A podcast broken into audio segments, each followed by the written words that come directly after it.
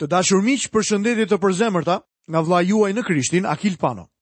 Ju uroj mirëseardhjen në emisionin e sotëm, emision në të cilin do të vazhdojmë studimin tonë nga libri i dytë i mbretërve. Sot do të fillojmë në kapitullin e 9 të këtij libri dhe do të shohim Jehun, i cili vajoset mbret mbi Izraelin. Ndërsa fillojmë studimin tonë në këtë kapitull, duhet të mbajmë mend se Ashaziahu, mbreti i Judës, shkoi të vizitonte Joramin në Jezreel sepse Jorami ishte plagosur në betejë dhe ishte në Jezreel për t'u shëruar. Me sa duket, ai ishte shumë sëmurë.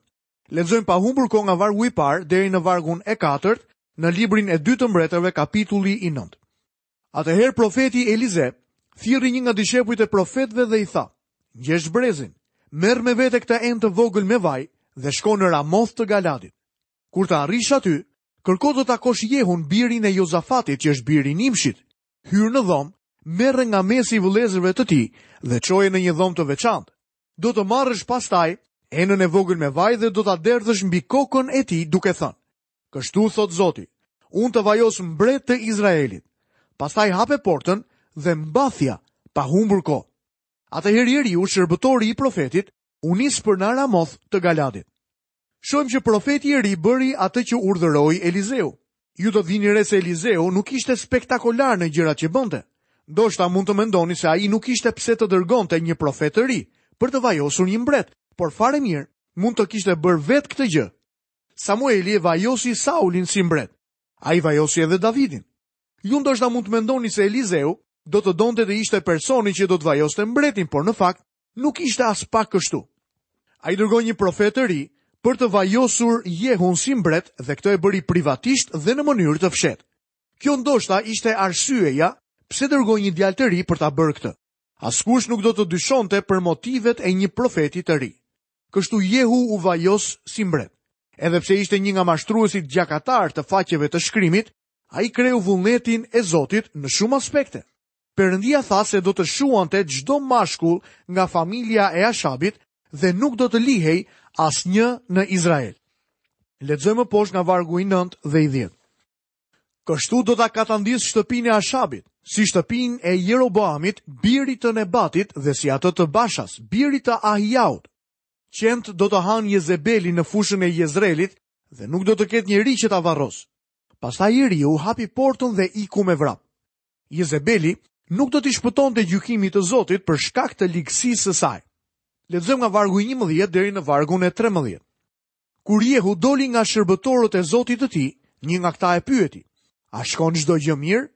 Pse ai i marrë erdhi tek ti? Ai u përgjigj: "Ju e njihni njeriun dhe fjalët e tij." Por ata thanë: "S'është e vërtetë. Na e thuaj pra, Jehu u përgjigj. Ai më tha kështu e ashtu duke deklaruar. Kështu thotë Zoti, unë të vajos mbret të Izraelit. Atëherë ata shpejtuan të merrnin secili mantelin e tij dhe ta shtrinë poshtë tij në po ato shkallëza. Pastaj i ranë borisë dhe thanë, Jehu është mbret. Kur u mor vesh që Jehu u vajos mbret, të gjithë u shqetësuan dhe filluan të lëvizin. Ata u ranë trumpetave dhe thanë, Jehu është mbret. Jorami është i sëmurë në Jezreel dhe Ashaziahu ka shkuar atje për ta vizituar. Çfarë do të ndodhë në Jezreel tani? Tani Jorami atje në Jezreel nuk e di se Zoti e ka hequr nga froni dhe ka vajosur Jehun si mbret të Izraelit. Ndërsa Jorami dhe Ashaziahu mbreti i Judës ndodhen së bashku, Roja lajmëron se po vinin një grup kalorësish. Jorami dërgon një lajmëtar që t'i takojë dhe t'i pyesë, a vini në paqe? Sillni lajme të mira apo të këqija? Në vend që t'i përgjigjej pyetjes së tij, Jehu i thotë që të vinte pas tij. Tani roja e dytë i raporton Joramit. Lexojmë në vargun e 20. Roja njoftoi duke thënë, lajmëtari ka arritur tek ata, por nuk po kthehet. Mënyra e të ngarit të qerres është ajo e Jehut, birit të Nimshit, sepse e nget si i çmendur. Lajmëtarët që u dërguan për të takuar Jehun nuk u kthyen më prapa që t'i raportonin mbretit sepse po vinte Jehu për ta asgjësuar këtë mbret. Kështu Jorami dhe Ashaziahu dolën vetë për të takuar Jehun. Lexojmë më poshtë vargun e 22. Kur Jorami pa Jehun, i tha, A sjell paqe Jehu? Jehu u përgjigj, Ç'paqe mund të ketë derisa të vazhdojnë kurvëritë e nënës sate Jezebel dhe magjitë e shumta të saj? Është e qartë se asnjë person besnik nuk do të guxonte të bënte një deklaratë të tillë për nënën mbretëreshë. Jorami e kupton menjëherë se Jehu po drejton një revoltë. Lexojmë vargjet 23 dhe 24. Atëherë Jorami e ktheu drejtimin e qerres dhe iku me vrap duke i thënë Ashaziahut, Tradhti, Ashaziah! Por Jehu e ndeu harkun me të gjithë forcën e tij dhe e goditi Joramin midis shpatullave. Shigjeta i shpoi zemrën dhe ai u plandos në qerren e tij. Ndërsa Jorami po përpiqej të shpëtonte, Jeu tërhoqi harkun e tij dhe i nguli një shigjetë mu në zemër. Vini re se Jorami thirret Jehoram në këtë moment. Të dy këta emra kanë të njëjtin kuptim në hebraisht dhe janë përdorur në mënyrë të pandryshueshme për të dy mbretërit, atë të Izraelit dhe atë të Judës. Shohim që Jehu kishte ardhur në Jezreel për ta asgjësuar Joramin. Siç e kemi parë, Ashaziau në këtë kohë po vizitonte Joramin. Ai ishte në shoqëri të keqe me ata të shtëpisë së Ashabit. Ashaziahu ishte në vendin e gabuar dhe në kohën e gabuar. Lexojmë vargun e 27. Duke parë këtë, Ashaziahu mbreti i Judës iku me vrap nëpër rrugën e shtëpisë me kopësht. Por Jehu iu vu nga prapa dhe tha: Bjerini edhe atij me qerre dhe e gjuajtën në të përpjetën e Gurit që është afër Ibleamit, por ai iku në Megido ku vdiq. Ndjekësit e Jehut iu vunë pas dhe plagosën për vdekje Ashaziahun. Lexojmë poshtë vargjet 28 dhe 30. Atëherë shërbëtorët e tij e çuan mbi një qerre në Jeruzalem dhe e varrosën në varrin e tij, bashkë me etërit e tij në qytetin e Davidit. Kur Jehu arriti në Jezreel, Jezebeli e mori vesh. Atëherë filloi të zbukurojë sytë, rregulloi flokët e doli në dritare për të parë. Tani vijmë tek vrasja e Jezebelit, nëna mbretëreshë që ishte në të vërtetë një person me të vërtetë i frikshëm. Ajo ishte një grua e tmerrshme e ligë dhe gjakatare. Ajo ishte anëtare e një familje mbretërore, vajza e bukur e Ethbaalit, mbretit të Zidonit. Ndoshta, ajo ka qenë një nga gratë më të bukura të kohës së saj dhe të gjithë historisë. Mendoj se Jezebeli si një grua e re mund të krahasohet me Helenën e Trojës, Salomen, Kleopatrën dhe Katerinën e Medicit. Martesa e Ashabit me Jezebelin ishte ngjarja shoqërore e vitit. Atje ishin njerëzit më të mirë të të dyja mbretërive. Atje ishin mbledhur shtresa më e lartë e mbretërisë. Kjo ishte dinjitoze dhe e respektueshme. Edhe vetë Elizeu nuk mund të gjente ndonjë gabim në këtë ngjarje.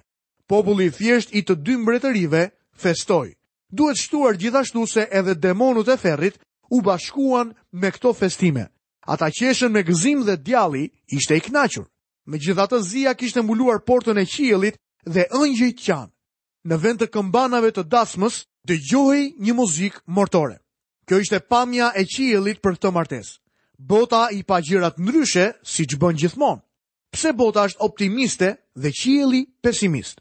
Sepse Zoti shikon zemrën, ndërsa njeriu ka vetëm një pamje të kufizuar të gjërave. Jezebeli është një nga gratë më të shquara në histori. Ajo ishte e zonja, me influencë dhe kishte një personalitet shumë dominant. Influenca e saj e keqe u ndje në tre mbretëri dhe u zgjat përtej jetës së saj. Jeta e saj famkeqe u bë një proverb.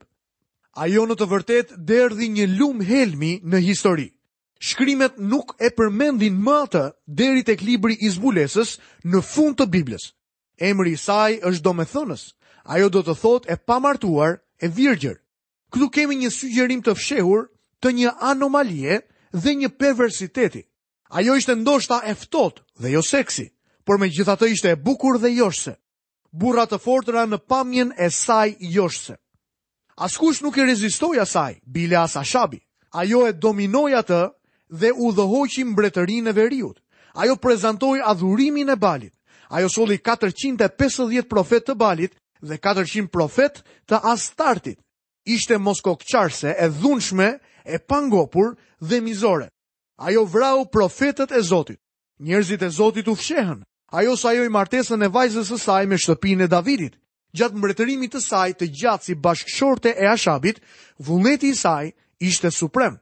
Askush nuk guxoi ta kundërshtonte, përveç një njeriu të quajtur Elize. Ajo është zonja Makbeth e Shekspirit dhe Klitmestrea e tragjedisë greke. Krimet e saj ishin të shumta. Nga influenca e saj rrodhi shumë gjak. Askush nuk i rezistoi asaj. Për një kohë, u duk sikur Zoti ishte fshehur dhe nuk po bënte asgjë. Më në fund, Jezebeli kreu krimin e saj kurorëzues.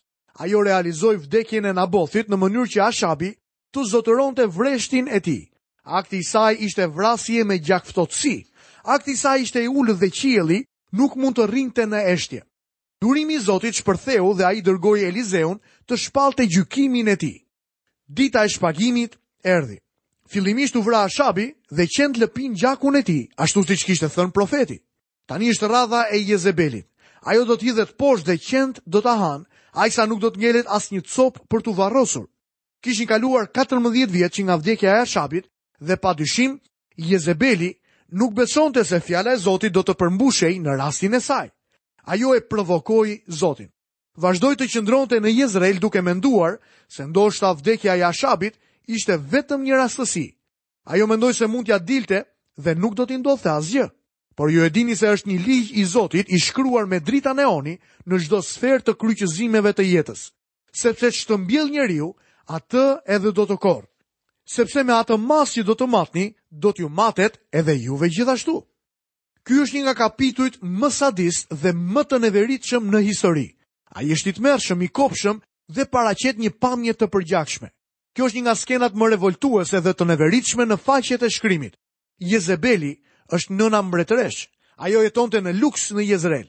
Profecia e tmerrshme e atij njeriu të pakëndshëm Elias nuk ishte përmbushur ende. Papritur nga veriu erdhi një karrocë e shpejtë. Ishte Jehu që po i jepte me tërbim. Ai sapo kishte vrarë dy mbretër, atë të Judës dhe mbretin e Izraelit, djalin e Jezebelit, Joramin. Dhe çfarë bën ajo? Ajo lyen sytë, rregullon flokët dhe del në dritare. Kjo mbretëreshë krenare mendon se mund ta joshë Jehun ashtu siç bëri me gjithë meshkujt e tjerë. Ajo mendon ta magjepsë atë me pamjen e saj. Jezebeli kishte një nip 23 vjeçar dhe nuk është më e re, Madje mund të themi se tashmë ishte mplakur. Asnjë formulë sekrete për locione, pudra apo krema nuk mund ta bëjë këtë mbretëreshë të rrudhur të duket tërheqëse. Kur e sheh Jehun nga dritarja, ajo fillon me lajka. Lexojmë vargun e 31. Ndërsa Jehu po hynte në portë, ajo i tha: "A sjell paqen, Zimri, vrasës i zotërisë sate?" Nënkuptimi i saj ishte, mund të takohemi dhe të merremi vesh. Eja lart dhe vizitomë ndonjëherë. Lexojmë vargun 32 dhe 33. Jehu ngriti sytë nga dritarja dhe tha: Kush është me mua? Kush? Dy ose tre eunukë dolën në dritare duke shikuar nga ai. Ai i tha, Hidheni poshtë. Ata e hodhën poshtë dhe pak gjak i saj ra mbi murin dhe mbi kuajt, dhe Jehu kaloi mbi të. Jehu as impresionohet fare nga fjalët e Jezebelit. Ai nuk ka mëshirë dhe as i vjen keq. Jehu nuk kishte frikë nga ajo. Ai madje as nuk e respektonte atë. Ai tha, "Hidheni poshtë." Eunukët e hodhën atë poshtë dhe ajo u ça tamam si një shalqi i pjekur. Kjo është pamja më e gjallë, e tmerrshme dhe e frikshme në gjithë kronikën e tragjedisë. Hamondi ka thënë se ajo histori nuk ka të dytën për nga fyerja. Ajo është në të vërtetë pa precedent. Një nënë mbretëreshë zakonisht trajtohej me respekt. Lexojmë vargun e 34. Pastaj hyri brenda, hëngri dhe piu, në fund tha: Shkoni të shihni atë grua të mallkuar dhe varroseni sepse është bijë mbreti. Si mund të shijonte Jehu ushqimin, pasi kishte bërë një gjë të tillë? Dikush ka thënë se ai ishte një djall në formë njerëzore. Ai ishte një ushtar i sertë, që nuk njihte asnjë normë mirësjelljeje. Gjithçka që kishte ishte ambicia mizore. Ai nuk u zmbraps nga asnjë krim. Ai ishte i degraduar dhe një njeri me të vërtetë i ulët. Lexojmë vargjet 35 deri 37. Shkuan pra ta varrosin, por gjetën prej saj vetëm kafkën. këmbët dhe pëllëmbët e duarve. U kthyen t'i tregonin gjendjen Jehut që tha, Kjo është fjala e Zotit e shqiptuar me anë të shërbëtorit të tij, Elia, Tishbitit, kur tha, Qentë kanë për të ngrënë mishin e Jezebelit në fushën e Jezreelit. Kufoma e Jezebelit do të jetë në fushën e Jezreelit si pleh në sipërfaqen e tokës, kështu nuk do të mundin të thonë, Këtu prehet Jezebeli. Kur Jehu dërgoi shërbëtorët për të varrosur Jezebelin, qentë tashmë e kishin përpirë. Qentë patën një ushqim shumë të mirë, por në qiell nuk u dëgjuan të qeshurat për këtë fakt. Nuk u mbajt as zi. Ndoshta në qiell u tha ashtu siç thuhet tek libri i zbulesës. Sepse të vërteta dhe të drejta janë gjykimet e tij. Ai në fakt gjykoi laviren e madhe që e prishi dheun me kurvërinë e saj dhe mori hak për gjakun e shërbëtorëve të vet të derdhur prej dorës së saj. Vdekja e tmerrshme e Jezebelit ilustron dhe njëherë të vërtetën e vendosur tek libri i Galatasve, kapitulli 6 dhe vargu i 7, e cila thotë, Mos u gënjeni, Perëndia nuk vihet dot në lojë sepse ç'të mbjellë njeriu, atë edhe do të korrë. Kapitulli i dhjetë vazhdon me gjykimin e shtëpisë së Ashabit nga zemra gjakatare e Jehut. Do të lexojmë në kapitullin e dhjetë në librin e dytë të mbretërve nga vargu i parë deri në vargun e tretë. Ashabi kishte në Samari 70 bij. Jehu shkroi letra dhe ua dërgoi në Samari krerëve të qytetit, pleqve dhe tutorëve të bijve të Ashabit, në to thoshte. Sa t'ju arrijë kjo letër, Meqenëse keni me vete bijtë e zotit tuaj dhe keni qerre dhe kuaj një qytet të fortifikuar dhe armë, zgjidhni birin më të mirë dhe më të përshtatshëm të zotërisë tuaj. Vendoseni mbi fronin e atit të tij dhe luftoni për shtëpinë e Zotit tuaj. Jehu po u jep bijve të Ashabit privilegjin për të luftuar për fronin e Izraelit. Asnjë nga 70 bijtë e Ashabit nuk është i gatshëm për të luftuar me Jehun. Pastaj pleqtë e Izraelit, për të shpëtuar kokën e tyre, tregojnë aleancën e tyre me Jehun duke vrarë 70 bijtë e Ashabit. Lexojmë më poshtë vargun e 11. Kështu Jehu bëri që të vdesin tërë ata që kishin mbetur nga shtëpia e Ashabit në Jezreel, tërë të mëdhenjtë, miqtë dhe priftërinjtë e tij, pa lënë asnjë prej tyre. Lexojmë më poshtë nga vargu i 12 deri 14. Pastaj u ngrit dhe shkoi në Samari. Gjatë rrugës, me të arritur në Beth Eked, Jehu takoi vëllezërit e Ashaziahut, mbretit të Judës, dhe tha, Kush jeni? Ata u përgjigjën, Jemi vëllezërit e Ashaziahut dhe po zbresim për të përshëndetur bijtë e mbretit dhe bijtë e mbretëreshës. Atëherë ai urdhëroi, Kapini të gjallë! Kështu i zunë të gjallë dhe i therën pranë pusit të Beth-Ekedit, gjithsej dyzet e dy veta nuk kursyen as edhe një. Pasi kishte mbaruar punë me shtëpinë e Ashabit, Jehu ishte në rrugë për të marrë fronin e Samarisë. Ai takoi dyzet e dy djemtë ose nipërit e Ashaziahut, mbretit të Judës, i vrau edhe ata.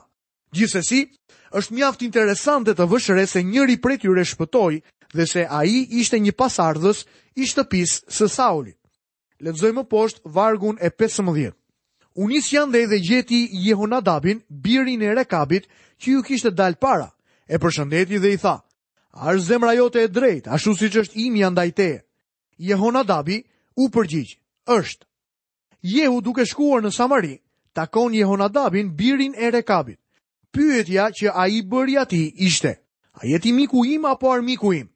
Jehonadabi ishte themeluesi i sektit strikt të Rekabitve të përmendur nga profeti Jeremia. Ai pa dyshim që ishte një njeri me influencë.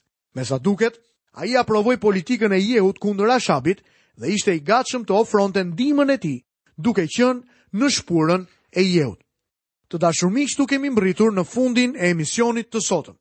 Ju kujtoj që në emisionin e ardhshëm do të vazhdojmë studimin tonë në librin e dytë të mbretërve, sërish në kapitullin e 10 dhe do të shohim Jehun, i cili asgjëson adhuruesit e Balit dhe më pas Jehun i cili do të vazhdojë në rrugën e mëkatit duke ndjekur mëkatet e Jeroboamit.